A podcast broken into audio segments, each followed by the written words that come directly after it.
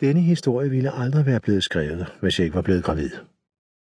Jeg havde ganske vist længe planlagt at miste min mødom på firmaudflugten til Western Supermare, blot ikke til den bestemte mand. Arthur Clifton blev ligesom jeg født i Stillhouse Lane. Han gik også på samme skole, Marywood Elementary. Men da jeg var to år yngre end ham, anede han ikke, at jeg fandtes. Alle pigerne i min klasse var lune på ham, og ikke kun fordi han var anfører for skolens fodboldhold. Arthur havde aldrig vist nogen interesse for mig, mens vi gik i skole. Men det ændrede sig kort efter, at han kom tilbage fra Vestfronten. Jeg tror ikke, at han vidste, hvem jeg var, da han bød mig op til dans den lørdag aften i Palais. E. Og sandt at sige, var jeg også selv nødt til at se en ekstra gang på ham, før jeg genkendte ham. For han havde anlagt sig et smalt overskæg, og jeg red håret tilbage, ligesom Ronald Coleman.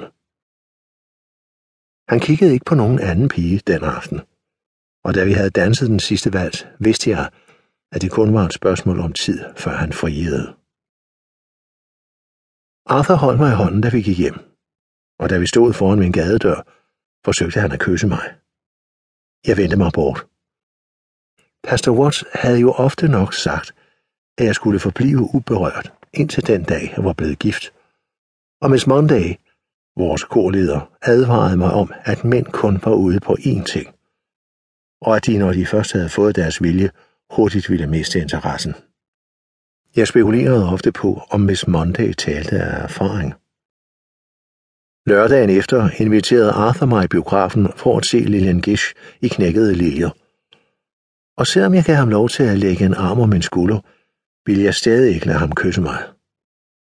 Han gjorde ikke røvl over det. Sagen er, at Arthur var ret genert.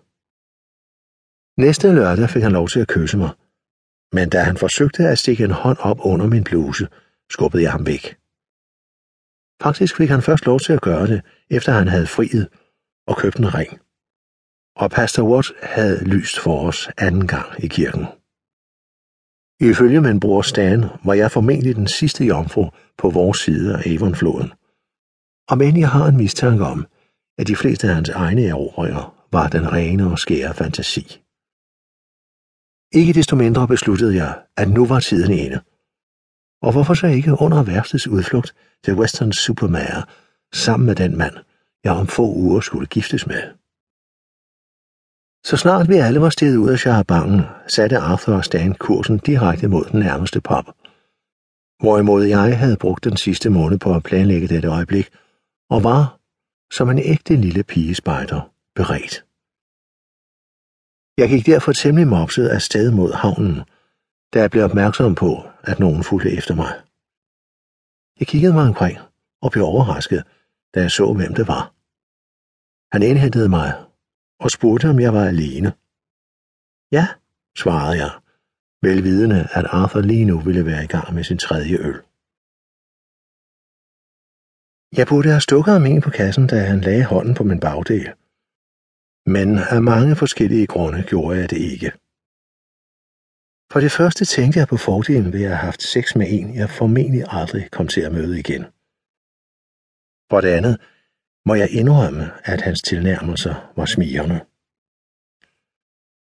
På det tidspunkt, da Arthur og Stan måtte være i gang med deres 8. øl, havde han indlogeret os på et pensionat ud til vandet.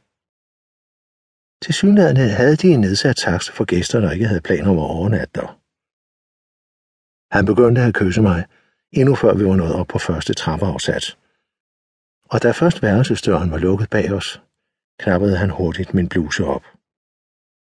Det var tydeligvis ikke hans første gang.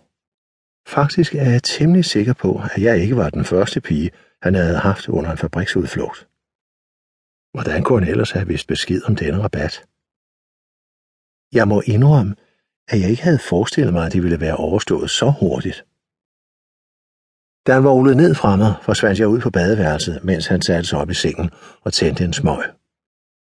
Måske bliver det bedre næste gang, tænkte jeg. Men da jeg kom tilbage, var han pist væk. Jeg tilstår, at jeg var skuffet. Jeg ville nok have skammet mig over at have været Arthur utro, hvis han ikke havde kastet op ud over mig på turen tilbage til Bristol. Næste dag fortalte jeg min mor om det, uden dog at fortælle.